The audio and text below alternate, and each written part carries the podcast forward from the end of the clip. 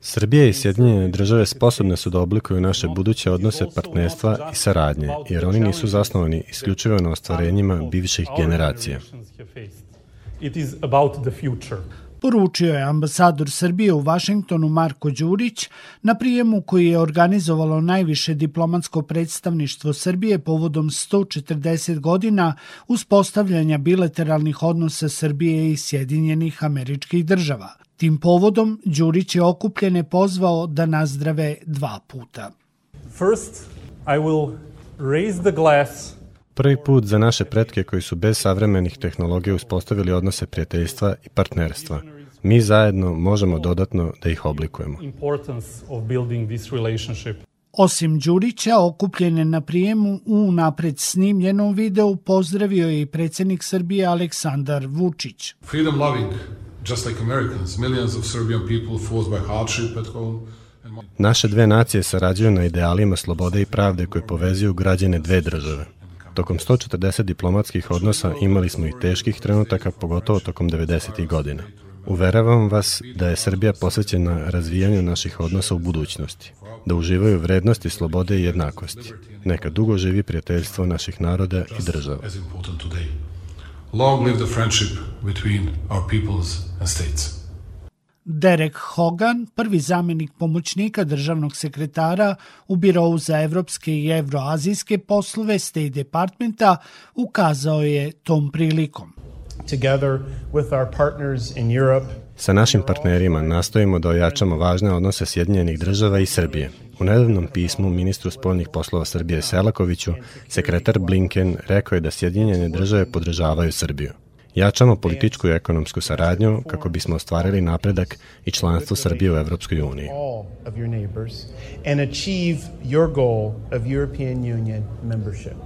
Poruku povodom jubileja u odnosima Srbije i Sjedinjenih američkih država imala je i Laura Cooper, zamjenica pomoćnika američkog sekretara za odbranu, koja je zadužena za Rusiju, Ukrajinu i Evroaziju, primećujući da se saradnja dve države ne ogleda samo u diplomatskim kontaktima, nego i zajedničkim inicijativama dve vojske.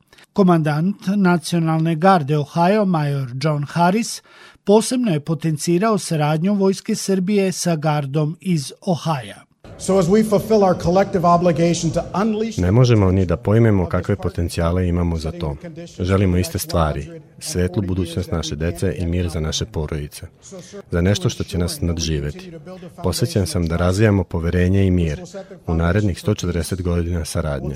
Uveravam vas da je cilj nacionalne garde Ohaja da nastavi da gaji poverenje među nama. and our children's children. And sir, I salute you Jubilej diplomatskih odnosa Srbije i Sjedinjenih američkih država obeležen je brojnim manifestacijama i priredbama tokom 2021. Sve je krunisano i dvojezičnom monografijom koja je promovisana u martu ove godine na inicijativu ambasade Srbije u Vašingtonu, a čije su izdavanje podržali pokrenjska vlada Vojvodine i gradska vlada Novog Sada. Tu monografiju potpisuju tri koautora – Aleksandar Gajić, Aleksandar Stevanović i Sanja Jugović. Jedan od koautora Aleksandar Stevanović u razgovoru za naš radio objasnio je da je cilj knjige bio da se na sažet i čitaocu pristupačan način prikaže kontinuitet i postojanost odnosa dveju zemalja od 1881. godine do danas. Smatra se da su prvi kontakti bili mogući, ali se nisu desili zaista već 30. godina 19. veka, tako da do nekih prvih zabeleženih kontakata zvanične dve strane dolazi tokom 60. i 70. godina 19. veka. Nakon 1878. godine, kada Srbija postaje međunarodno priznata država, naravno dolazi do značajnije diplomatske aktivnosti i srpske diplomatije, ali i diplomatije stranih zemalja koje su pokušavale da obezbede i diplomatske i trgovinske ugovore sa novopriznatom državom i upravo u sklopu tih dešavanja doći će do pregovora između srpske i američke strane i na kraju ovaj, do potpisivanja konvencije koje će uspostaviti zvanične diplomatske odnose dve zemlje 1881. godine i već naredne godine prvi američki konzul Eugene Skyler je došao u Beograd i time počinje ta neka nova era međusobnih odnosa. E sad, diplomatski odnosi možda su uspostavljeni u ovom trenutku, ali to ne znači da odnosi između dva naroda, da tako kažemo, nisu postojali i ranije, pre svega se to odnosi na srpsku dijasporu, kada kažem srpsku, mislim i na ljude iz Srbije, ali pre svega na Srbe sa prostora Austro-Ugarske tadašnje, jel te, koji su potražili sreću kao i mnogi drugi evropljani na američkom kontinentu. I to će biti neka stalna spona između dva naroda koja postoji do današnjih dana. Stevanović je ukazao da knjiga predstavlja istorijski pregled diplomatskih odnosa podeljen na tri tematsko-vremenske celine, od uspostavljanja zvaničnih diplomatskih veza do završne faze drugog svetskog rata, od završetka drugog svetskog rata do početka dezintegracije Socijalističke federativne republike Jugoslavije i od početka jugoslovenske krize do današnjeg trenutka. Naravno, u ovakvom nekom formatu nije moguće obuhvatiti sve, kada govorimo o srpskoj historiografiji, a to se odnosi na američku historiografiju ili stranu, ovaj, neki, neki periodi međusobnih odnosa dve zemlje su uh, izvanredno dobro pokriveni.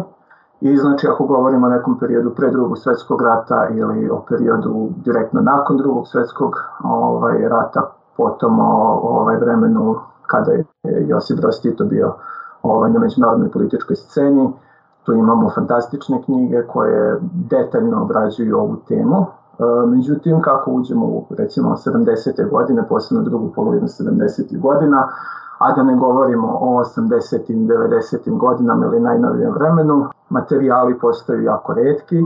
Očigledno je da ljudi se ili ne usuđuju ili ne žele ovaj, da se bave tim pitanjima, što je razumljivo pošto i izvora i literatura i svedoka nema u toj meri ovaj, da bi mogli pružiti neki detaljan prikaz.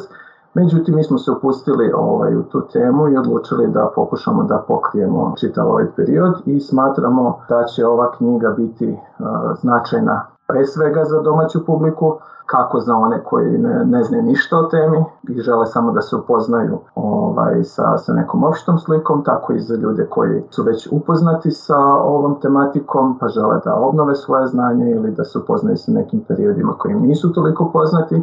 Međutim, ono što treba reći jest da je knjiga rađena na dva jezika, na srpskom i engleskom, znači koji idu uporedo, Tako da smatramo i očekujemo da će ova knjiga biti korisna i stranoj publici, pre svega ljudima opet iz inostranstva koji žele da se upoznaju sa celokupnošću odnosa dve zemlje. Posebno se osvrnuo na izazove 90. godina u kojima skoro da zamiru diplomatske odnosi na relaciji Washington-Beograd, a na direktno pitanje može li se sa vremenske distance govoriti o propuštenim prilikama za obe strane, Stevanović odgovara. Ja, to je veliko pitanje. Znači, da li postoji e, dovoljno, dovoljno velika vremenska distanca? Ljudi često, ovaj, istoričari pre svega, pokušavaju da izbegnu da, da, da govore o tim dešavanjima, iako sada već prošlo nekoliko decenija od vremena o kome govorimo. E, odnosi između dve zemlje su se pogoršavali dosta brzo. Još ako govorimo o 89. i 90. godini, znači odnosi su praktično sjajni mada tu treba napraviti malu razliku između odnosa Jugoslovenske federacije sa Vašingtonom i odnosa Srpskog republičkog rukovodstva na čelu sa Slobodanom Miloševićem sa Vašingtonom, koji su već u tom trenutku dosta, dosta napeti, posebno nakon dolaska ambasadora Vorena Zimmermana u Beograd. Sjedinjene američke države su možda i poslednja značajna zapadna zemlja koja je podržavala opstanak Socialističke federativne republike Jugoslavije i još u junu 1991. godine američki državni sekretar dolazi u misiju u kojoj pokušava da sačuva tu Jugoslovensku federaciju ili konfederaciju u nekom obliku, čemu je naravno bio neuspešan i dosta je ovako se vremenske distance dosta je neobično ovaj, proučavati i čitati kako brzo mogu da propadnu odnosi koji su građeni decenijama. Čisto taj raspad, početak raspada e, jugoslovenske države će dovesti do naglog prestanka takvih odnosa. Naravno, to nije bilo ništa neočekivano tema raspada Jugoslovenske države je e, tema u američkim obaveštenim analizama praktično decenijama od kraja 60. ili početka 70. godina. E, međutim, način na e, koji se to desilo i prekid odnosa između samog Beograda, pre svega između Srbije i Vašingtona je jeste bio u nekoj meri iznenađujuć i u svega recimo dve godine između 1991. i 1993. godine dolazimo do, do, do interesantne situacije uh, gde se Beograd praktično iz uh, gotovo saveznika pretvara u smrtnog neprijatelja Vašingtona i od tog trenutka tek Vašington zauzima neku poziciju koja je totalno uh, suparnička, koja konstantno radi protiv interesa tadašnje Savezne republike Jugoslavije i koja smatra da Beograd treba poraziti, pa čak i poniziti. Stevanovića za kraj pitamo da li možemo danas bilo šta naučiti iz iskustva prošlosti ili su se okolnosti na geopolitičkom planu toliko promenile da Srbija diplomatiju mora graditi od samog početka. Pa mislim da možemo mnogo šta naučiti iz prošlosti odnosa dve zemlje. To je između ostalog bio jedan od ciljeva pisanja ove, ove knjige, odnosno ovog pregleda, kako bi prosto naglasili da odnosi dve zemlje nisu samo uslovljeni, nisu samo obeleženi lošim dešavanjima kako su bila prisutna posebno tokom 90-ih, ali i tokom prethodne dve decenije, već da tu postoji prostor za saradnju i prostor za, za, za, ne, za ostvarivanje nekih zajedničkih interesa. Dešavanja u svetu su svakako kompleksna, Mi kada smo počeli da pišemo uh, ovu knjigu, situacija u Ukrajini nije bila ni približno toliko kompleksna. Uh, situacija o, na Pacifiku, iako jeste već bila kompleksna, nije bila kompleksna na ovom sadašnjem nivou, Tako da i od onog trenutka kada smo mi krenuli da proučavamo uh, ovu materiju, stvari su se drastično, drastično promenile. Na iznenađenje, pretpostavljam, mnogih ljudi šta mi tu možemo raditi. Pod broj 1, ako možemo izvući jednu lekciju iz ovih 140 godina međusobnih odnosa saradnje i sukoba, e, možemo reći da e, kada govorimo o Srbiji, bez saradnje sa Sjedinjenim američkim državama ništa bitno ne može biti rešeno ili ostvareno.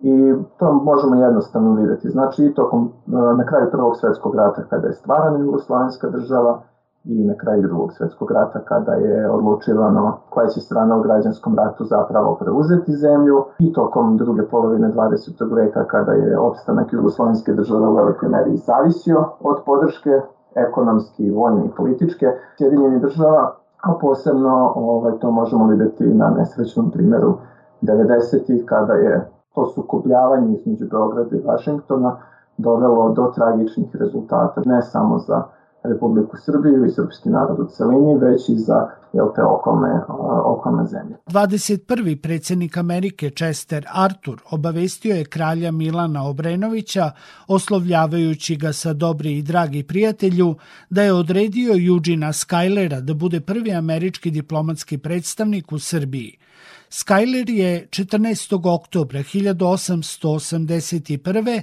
sa ministrom inostranih poslova Mijatovićem potpisao prvi trgovinski ugovor i konzularnu konvenciju. Trgovinski sporazum iz 1881. istorijska je tekovina jer je prvi na Balkanu koje su potpisale Sjedinjene američke države. Sektor Plus.